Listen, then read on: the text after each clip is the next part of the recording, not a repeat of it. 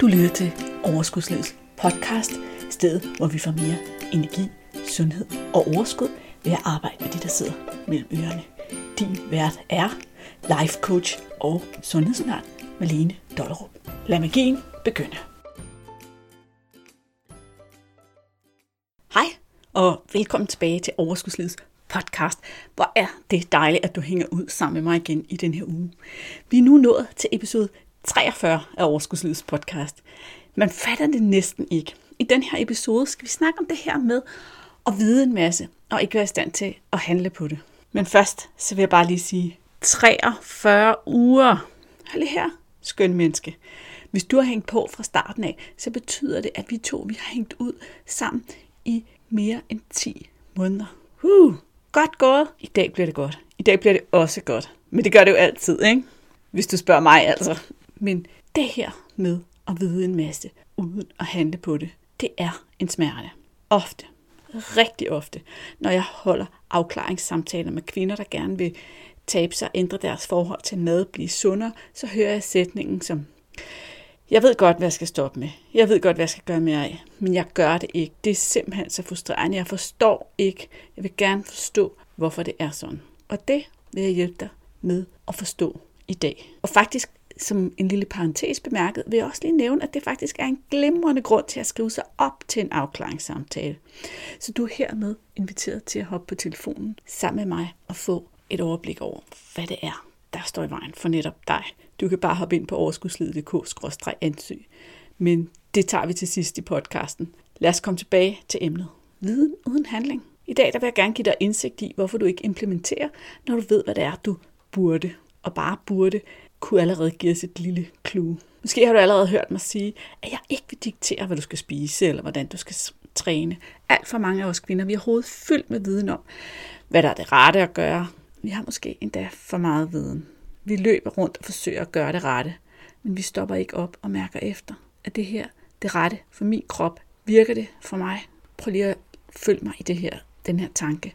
Hvad nu, hvis du ikke stolede på nogen udtalelser vedrørende sundhed, uden at have testet dem af og evalueret dem. Hvad nu, hvis du hver gang du fik at vide, at det var mega vigtigt at træne på en eller anden bestemt form, fasong, det var mega vigtigt at spise mere af det her, mindre af det her, undgå kulhydrater, spise mere kål, hvad ved jeg. Hver gang du gjorde det, så testede du det af på din egen krop. For det første så bare det her med at sige, at jeg tester det af, det giver en lidt lejende tilgang til det, som slipper noget af den der pligt og burde følelse. Hvis du så virkelig får det testet af, så stopper du op, og så evaluerer du. Okay, hvilke dele af det her sådan, koncept virkede for mig? Hvad virkede ikke? Hvad kan jeg gøre anderledes? Hvad vil jeg gøre anderledes for at afprøve, om jeg kan få det til at virke endnu bedre? Og så rettet ind. Stolet på dig selv, din krop og det, du mærkede. Selv hvis jeg intellektuelt formår at få dig til at acceptere, at du skal lytte mere til din krop, og mindre til reglerne for sundhed, der var gåseøjne, som du nok kan se hele vejen gennem podcastens mikrofon, ikke? så er det stadig ikke sikkert, at du gør det. Altså, navigere efter din krop. Hvorfor? Hvorfor skal det være så svært? Fordi spisning, vægttab, det er noget, der styres af vores hjerne. Og vores hjerne er i høj grad styret af følelser, som igen er styret af vores tanker. De fleste af os, vi stopper ikke op og stiller spørgsmålstegn ved vores måde at se på tingene eller tænke, eller hvilke følelser, der udløser vores handlinger. Vi tror, at vi bare skal vide nok, så kan vi handle. Måske skal vi lige lære én ting mere. Forstå én ting mere. Læse en bog mere. Et blogindlæg. En livestream. Vi skal høre en podcast mere. Ja, selv det. Men vi samler på viden uden at handle. Hvis du har lyttet med til podcasten her et stykke tid, så har du opdaget, at jeg ofte opfordrer dig til at handle for at få dig til at implementere den viden, for at gøre en forskel, så at den viden, jeg giver dig, ikke bare er viden, men også kan blive til noget, du kan føre ud i livet. Skriv ned, lav den her øvelse, hent den her pdf, siger jeg. Så nu er det sandhedens time. Hvor ofte har du rent faktisk gjort det? Hvor ofte har du rent faktisk handlet på mine opfordringer? Tænker du måske, at det er nok, at du ved det og lytter til det her, og så kan forandringen starte? Det er sådan, din hjerne gør. Okay?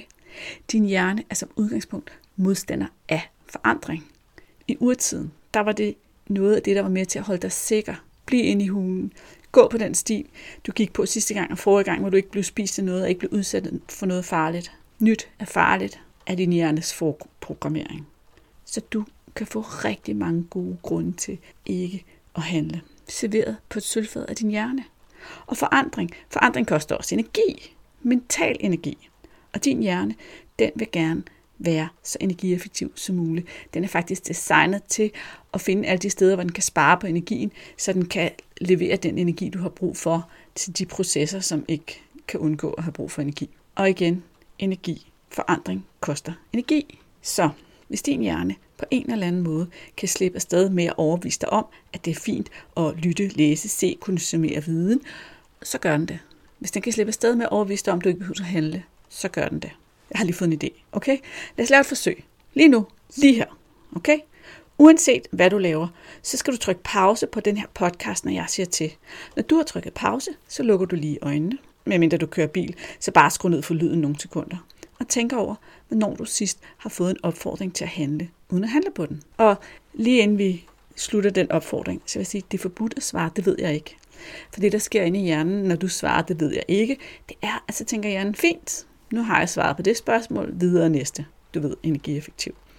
Så du skal ikke acceptere, det ved jeg ikke. Du skal blive ved med at forsøge at finde et svar på, hvornår har jeg sidst fået en opfordring til handling, uden at handle på den. Indtil du har svaret. Når du har det svar, så går du bare lige ind på Insta, og finder mig, Malene, underscore fra, underscore overskudsledet, og sender mig en DM, og så skriver du, jeg gjorde det. Så skal jeg nok sende dig en ny opfordring til en handling retur. Er du med på den? Prøv at høre her. Der er mange hundrede, der lytter til den her podcast hver uge. Og alligevel så er jeg sådan forholdsvis sikker på, at jeg ikke vil blive oversvømmet med beskeder inde i min Insta-indbakke. Fordi sandsynligheden for, at din hjerne tænker, at jeg er en af dem, der bare er med på en lytter, det er nok. Der er nok nogle andre, der gør det. Jeg gør det senere, eller en eller anden anden udsætte afvige tanke. Den er ret stor. Så lige nu, der har du faktisk chancen for og udfordre dit eget mønster. Følg min opfordring. Sæt podcasten på pause nu, og kom tilbage til mig, når du har gjort det. Nogle af jer vil måske blive provokeret nok til at gøre det, bare for at vise mig, at jeg tager fejl. Herligt. Bliv provokeret. Gør det. Bevis over for mig, at jeg tager fejl. Godt. Jeg antager, at du nu har trykket pause og trykket play igen og er klar til at lytte videre, fordi du selvfølgelig har handlet. Så tilbage til spørgsmålet, hvorfor handler vi ikke på den viden, vi har? Fordi det er svært. Fordi det at have viden er ikke det samme som at kunne gøre det. Jeg kan læse 30 bøger om svømning. Jeg kan se diverse YouTube-videoer. Jeg kan lære små, snedige teknikker, der gør, at jeg kan svømme hurtigere. Men det kommer ikke til nogen god svømmer. Jeg skal i vandet. Jeg skal øve. Jeg skal evaluere. Jeg skal lære min fejl. Jeg skal rette ind der, hvor jeg gør det forkert, og lære at gøre den rigtige bevægelse, før jeg kan svømme, før jeg bliver god til at svømme. Det gælder også madvaner, sundhed, vægttab. Så længe du kun samler viden, så sker der ingenting. Måske har du forsøgt en eller flere gange at ændre på sagen. Været på en eller anden kur, en eller anden livsstilsændring, et eller andet lut, som skulle gøre, at nu skulle situationen ændre sig. Men det er ikke lykkes. Så lad os lige starte her. Hvad skete der, da det ikke lykkedes? Blev du bare ærgerlig? Eller evaluerede du? Har du nogensinde prøvet at evaluere, når du ikke lykkes? Igen, hvad lærte du? Hvad kan du gøre anderledes næste gang? Hvad vil du ikke gøre mere af? Hvad kan du se dig selv gøre fremadrettet?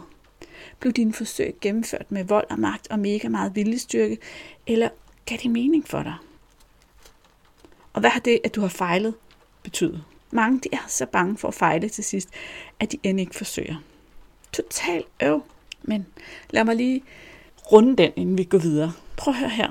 Hvis du beslutter dig for, at du aldrig mere vil fejle, fordi det er ubehageligt at fejle, fordi du taler grimt til dig selv, når du fejler, fordi du bliver ked af det, når du fejler, fordi det er nogle vemmelige følelser, du får, når du fejler, så har du altså også samtidig besluttet at afskære dig for nogensinde at lykkes. Giver det mening?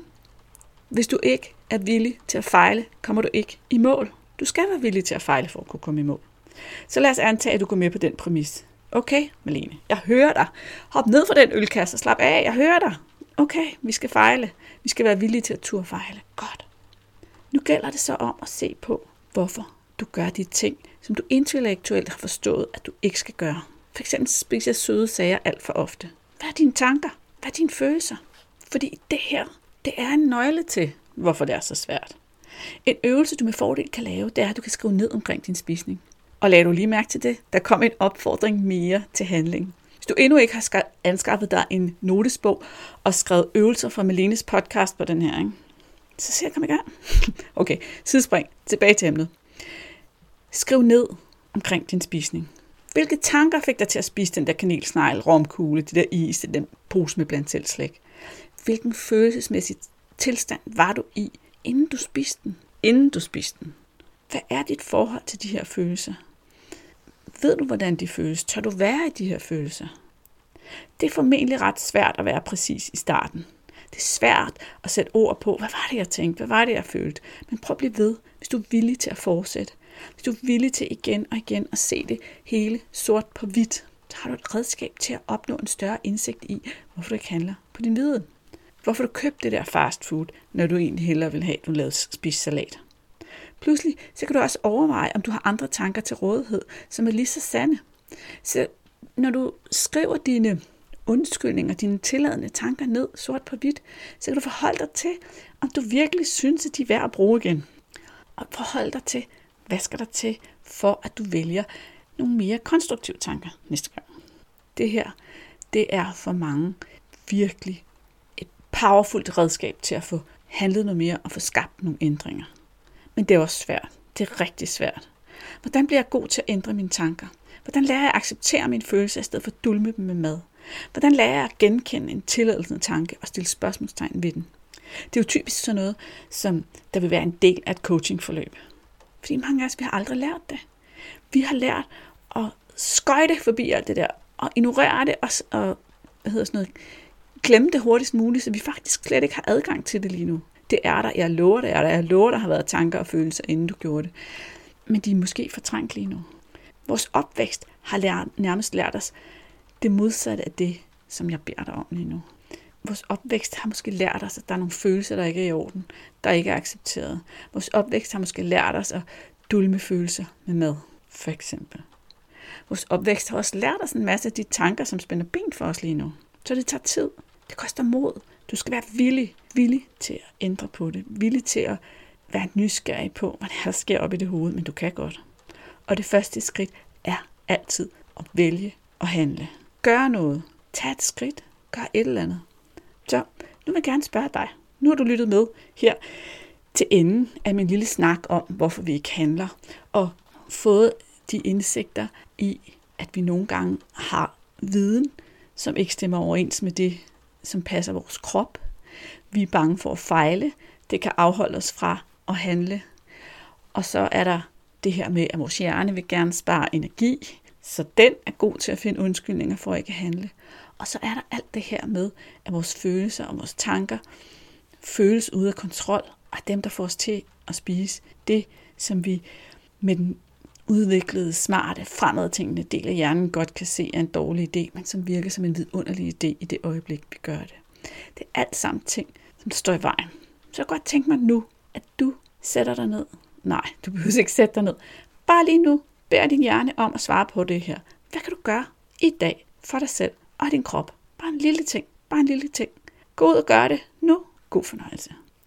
Og inden du løber sådan lige på falderæbet, skulle du have lyst til at undersøge, hvordan dit liv kunne blive bedre og nemmere ved at få støtte og arbejde sammen med en life coach, så er du hermed inviteret til at hoppe på telefonen sammen med mig til en afklaringssamtale. Det koster dig ikke en krone, men du skal være villig til at bruge cirka en time af din tid i fred og ro på at se ind af og dykke ind i dig selv. Men jeg lover dig, at du vil få så mange svar og indsigter og erkendelser ud af det her. Det gør du ved at smutte ind på overskudslivet.dk-ansøg, og så skal jeg nok vende tilbage til dig. Nogle, de kan godt have sådan et øh, lille knude nede i maven over den her tanke, men det her, det er også at handle. Det her, det er også en bro, som du måske har brug for at komme over. Og mit job er kun at hjælpe dig og vise dig dine tanker. Du kan ikke gør noget forkert. Du kan ikke være forkert. Du er helt og perfekt, som du er, når du møder op i min coaching session. Og det eneste, vi ser på, det er, hvad er det for nogle ønsker, du har for din fremtid? Hvad kan du godt tænke dig at lave om? Og hvad står i vejen for, at du kan lave det om nu og her? Nu gav jeg dig to sekunder, og du kan måske høre regnen trummer på ruden. Jeg håber, du får en helt vidunderlig dag, uanset om du lytter med onsdag, nu her, hvor podcasten er udkommet, eller den dag, du er nået til det. Og så, at vi høres ved i næste uge, hvor jeg igen er klar til ny inspiration og input i dit øre. Hej hej. Hey, pst, Kunne du lide det, du hørte? Så glem ikke at gå ind og anmelde podcasten og give den lige så mange stjerner, som du synes, den fortjener. Du skal vide, at din feedback betyder virkelig meget for mig. Tak.